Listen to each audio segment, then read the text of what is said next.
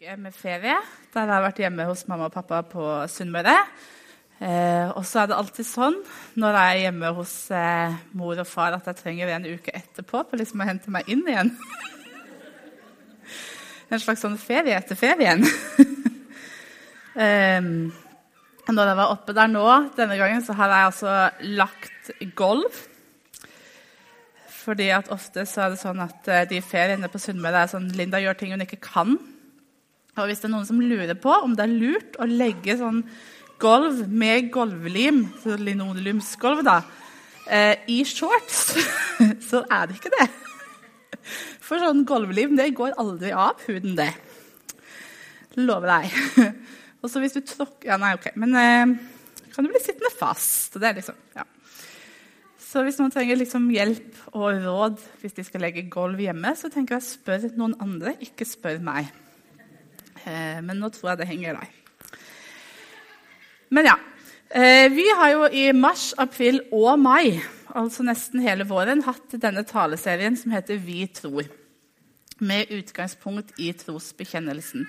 Og hvor et av målene har vært at vi skal kunne snakke om at vi som menighet skal bli rotfesta og grunnfesta i det som vi tror på. Og nå i mai så er det den tredje trosartikkel som har vært tema. Og det er den som begynner med 'Jeg tror på Den hellige ånd'. Og det er kanskje den som på en måte også lager mest kaos eh, iblant oss kristne. For der har vi ganske mye forskjellige erfaring og bagasje. Eh, og det er på en måte kanskje lettere for oss å forholde oss til en Gud som eh, far, og en Gud som skaper, og en allmektig Gud, og Jesus som person. Eh, og så kommer på en måte Den hellige ånd liksom på slutten, og så ødelegger alt med å være litt sånn vanskelig å få tak på. Um, og jeg skal komme med en liten bekjennelse. At eh, når jeg var tenåring, eh, så var jeg en del av dette ungdomsmiljøet her i menigheten. Eh, det er ikke egentlig det som er bekjennelsen, men det var noe sånn. Eh, og her vi, eh, var vi en liten gjeng med tenåringer som eh, vi syns vi var så bevisste. Eh, og vi var så modne og fine kristne. Eh, og vi syns så synd på Den norske kirke, som hadde misforstått alt. Og vi var så heldige som fikk lov til å være en del av Misjonskirken. Fordi at Den norske kirke hadde denne trosbekjennelsen med liksom, jeg tror på Den hellige ånd, og så går den bare rett over på en hellig allmennkirke. Og de hadde jo misforstått alt, tenkte vi. For hvor ble det av tungetalen og profetiene og helbredelsene og alt dette kjempegøye og spennende? Eh, tenkte vi. Trodde ikke Den norske kirke på det? Og eh, hva tenkte vi også, hadde egentlig Den hellige ånd med Kirken å gjøre? Så vi følte og tenkte at de på en måte hoppet bukk over alt det som var på en måte viktig med Den hellige ånd. Eh, fordi at de var redde for det, tenkte vi. Eh, og valgte å snakke om Kirken i stedet. Så er hun glad for og takknemlig for eh, at den modne tenåringslinda heldigvis har utviklet seg enda litt. Eh, og har et litt større og kanskje bredere bilde om den ånd, hvem Den hellige ånd er, og hva Den hellige ånd gjør nå enn da jeg var 16, og 17 og 18. Heldigvis. Fordi at selvfølgelig altså For det første så tenker jeg at det er jo ikke Den norske kirke som eier trosbekjennelsen. Altså det er jo mye lengre historie enn eh, at det begynte med dem. Og en tradisjon som vi også står i. Eh, og for det andre, og kanskje viktigere, så har selvfølgelig Den hellige ånd noe eh, En viktig rolle er jo åndens gaver. Og tungetale og profetier og alt det der som på en måte kan virke veldig spennende og forlokkende når man er 16 år og 17 år og 18 år. Og kanskje eldre og kanskje yngre. Men det er jo heldigvis ikke bare det Den hellige ånd gjør. Og Derfor så tenker jeg at det er ikke unaturlig at den tros artikkelen som begynner med 'Jeg tror på Den hellige ånd', går videre med 'en hellig allmennkirke'. Og hva er egentlig en hellig og allmennkirke? Og Vi kunne hatt en håndsopptrekning, vi skal ikke gjøre det, men måte hvem som føler seg spesielt hellig i dag og tenker at de har en plass i Den hellige kirke.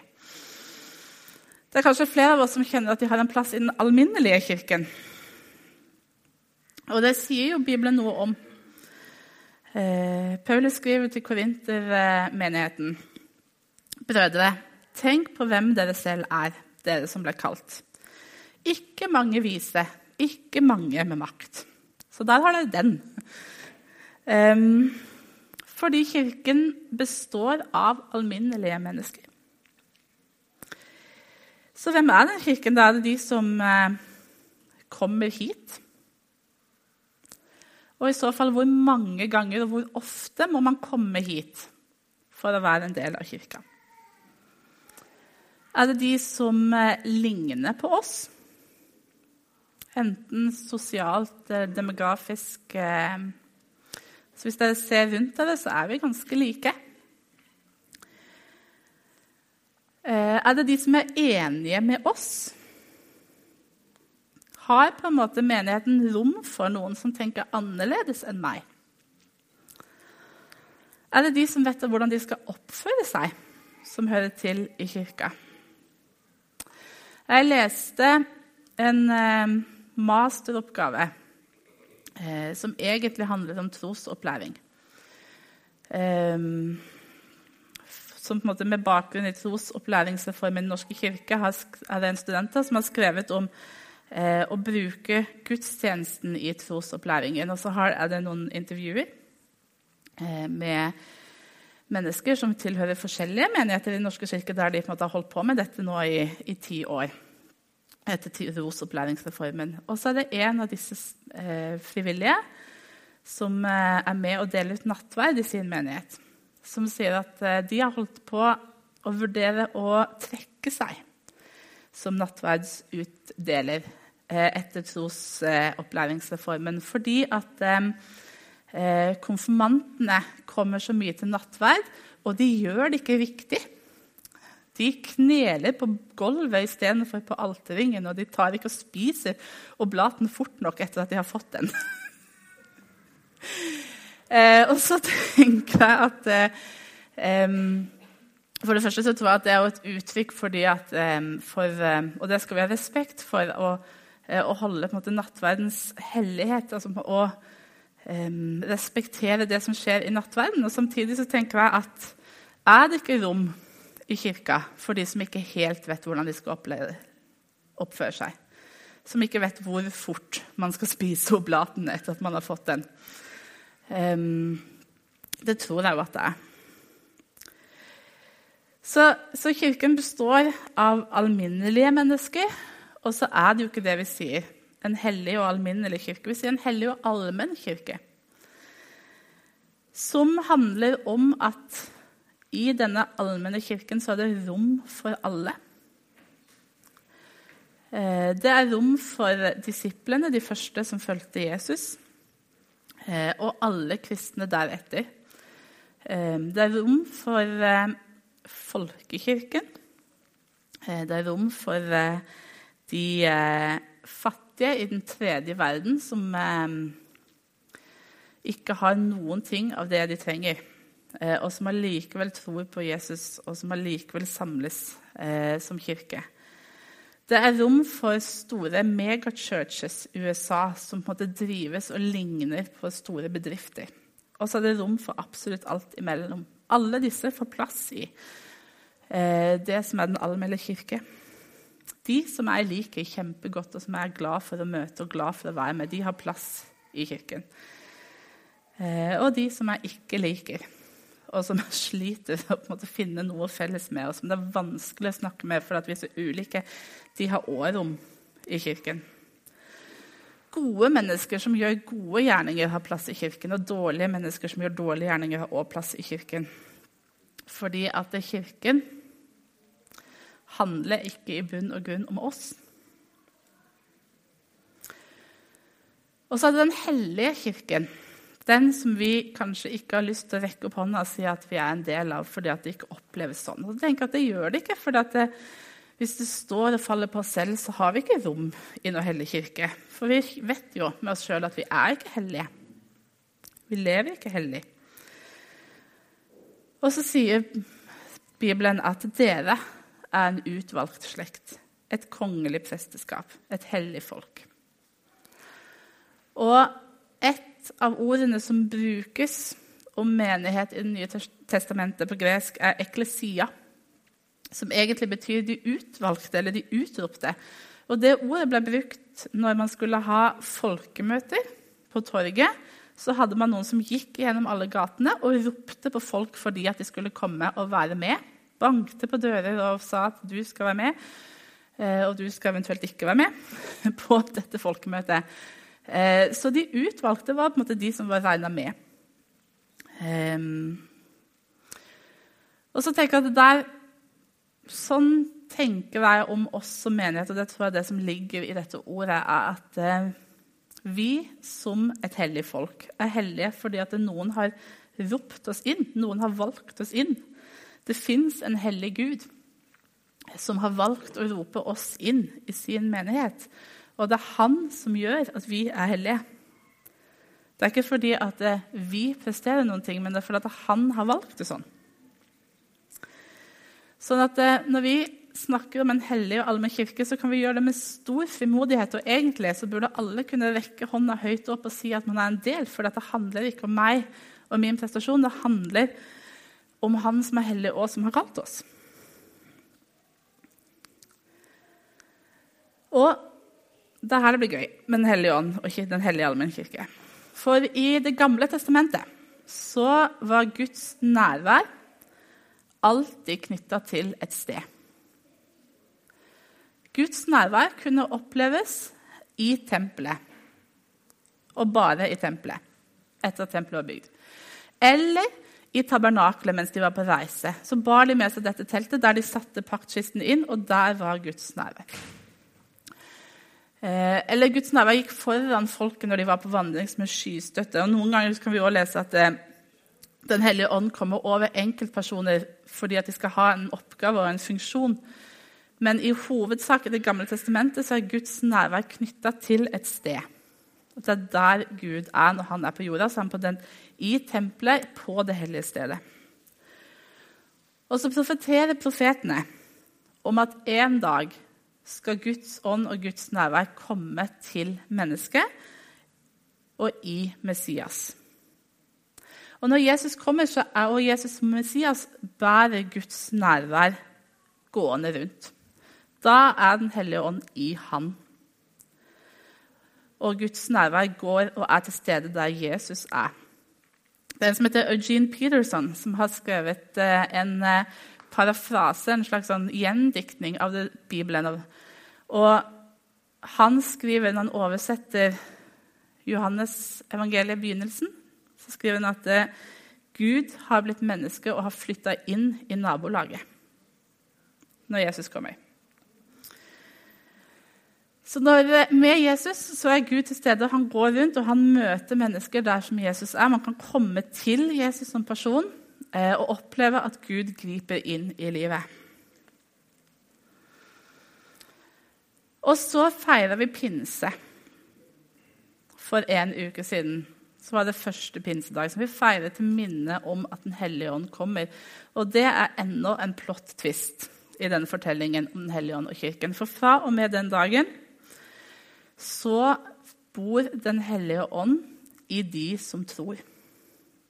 Så da er ikke det sånn at Guds nærvær lenger er knytta til et sted, som i Det gamle testamentet, eller til én en enkelt person, som Jesus. Men i hver og en av oss som tror på Jesus, er Den hellige ånd til stede. Det er ganske stort. Og så er Guds nærvær knytta til kirka.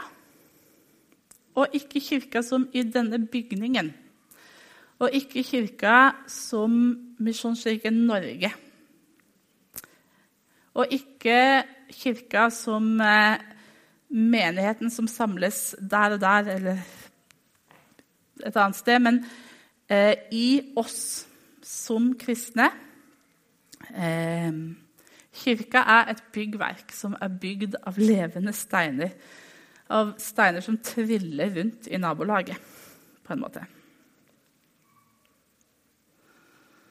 Og hva kjennetegner denne kirka, da? Eller hva burde kjennetegne denne kirka?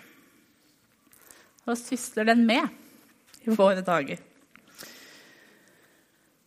Og Gjennom hele kirkehistorien har man snakket om et trefoldig vitnesbyrd om Jesus, som er kirkens oppgave.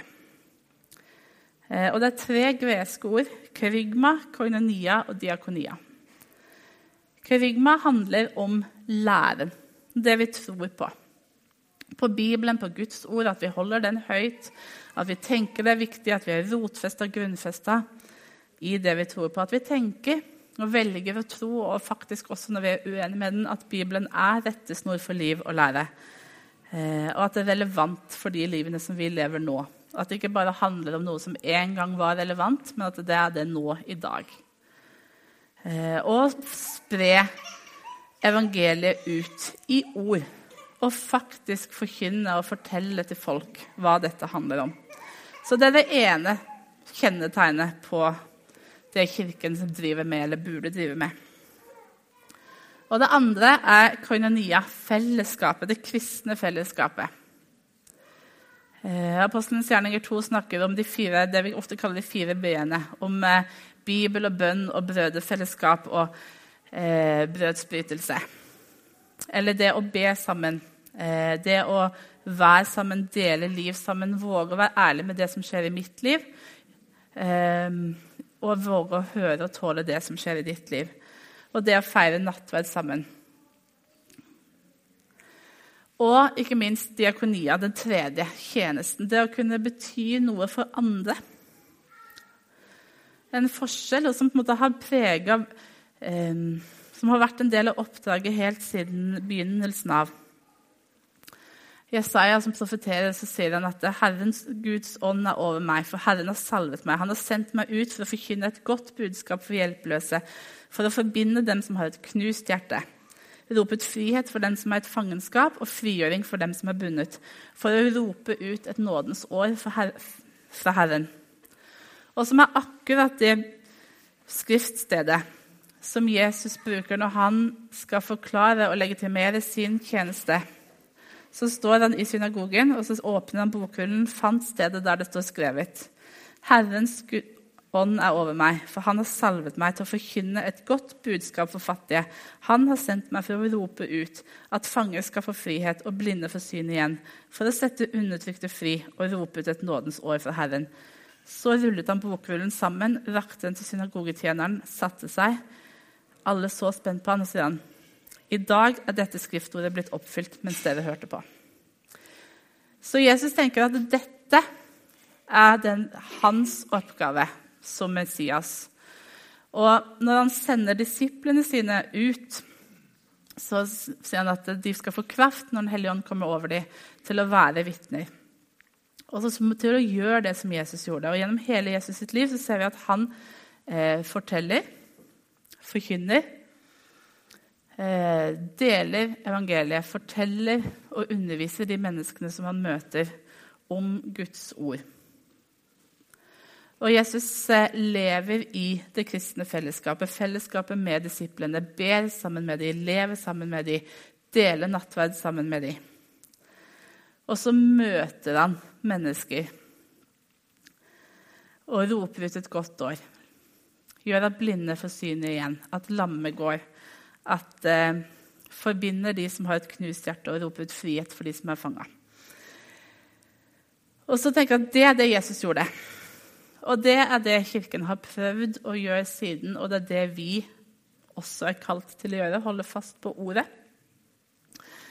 Holde fast på fellesskapet og holde fast på tjenesten.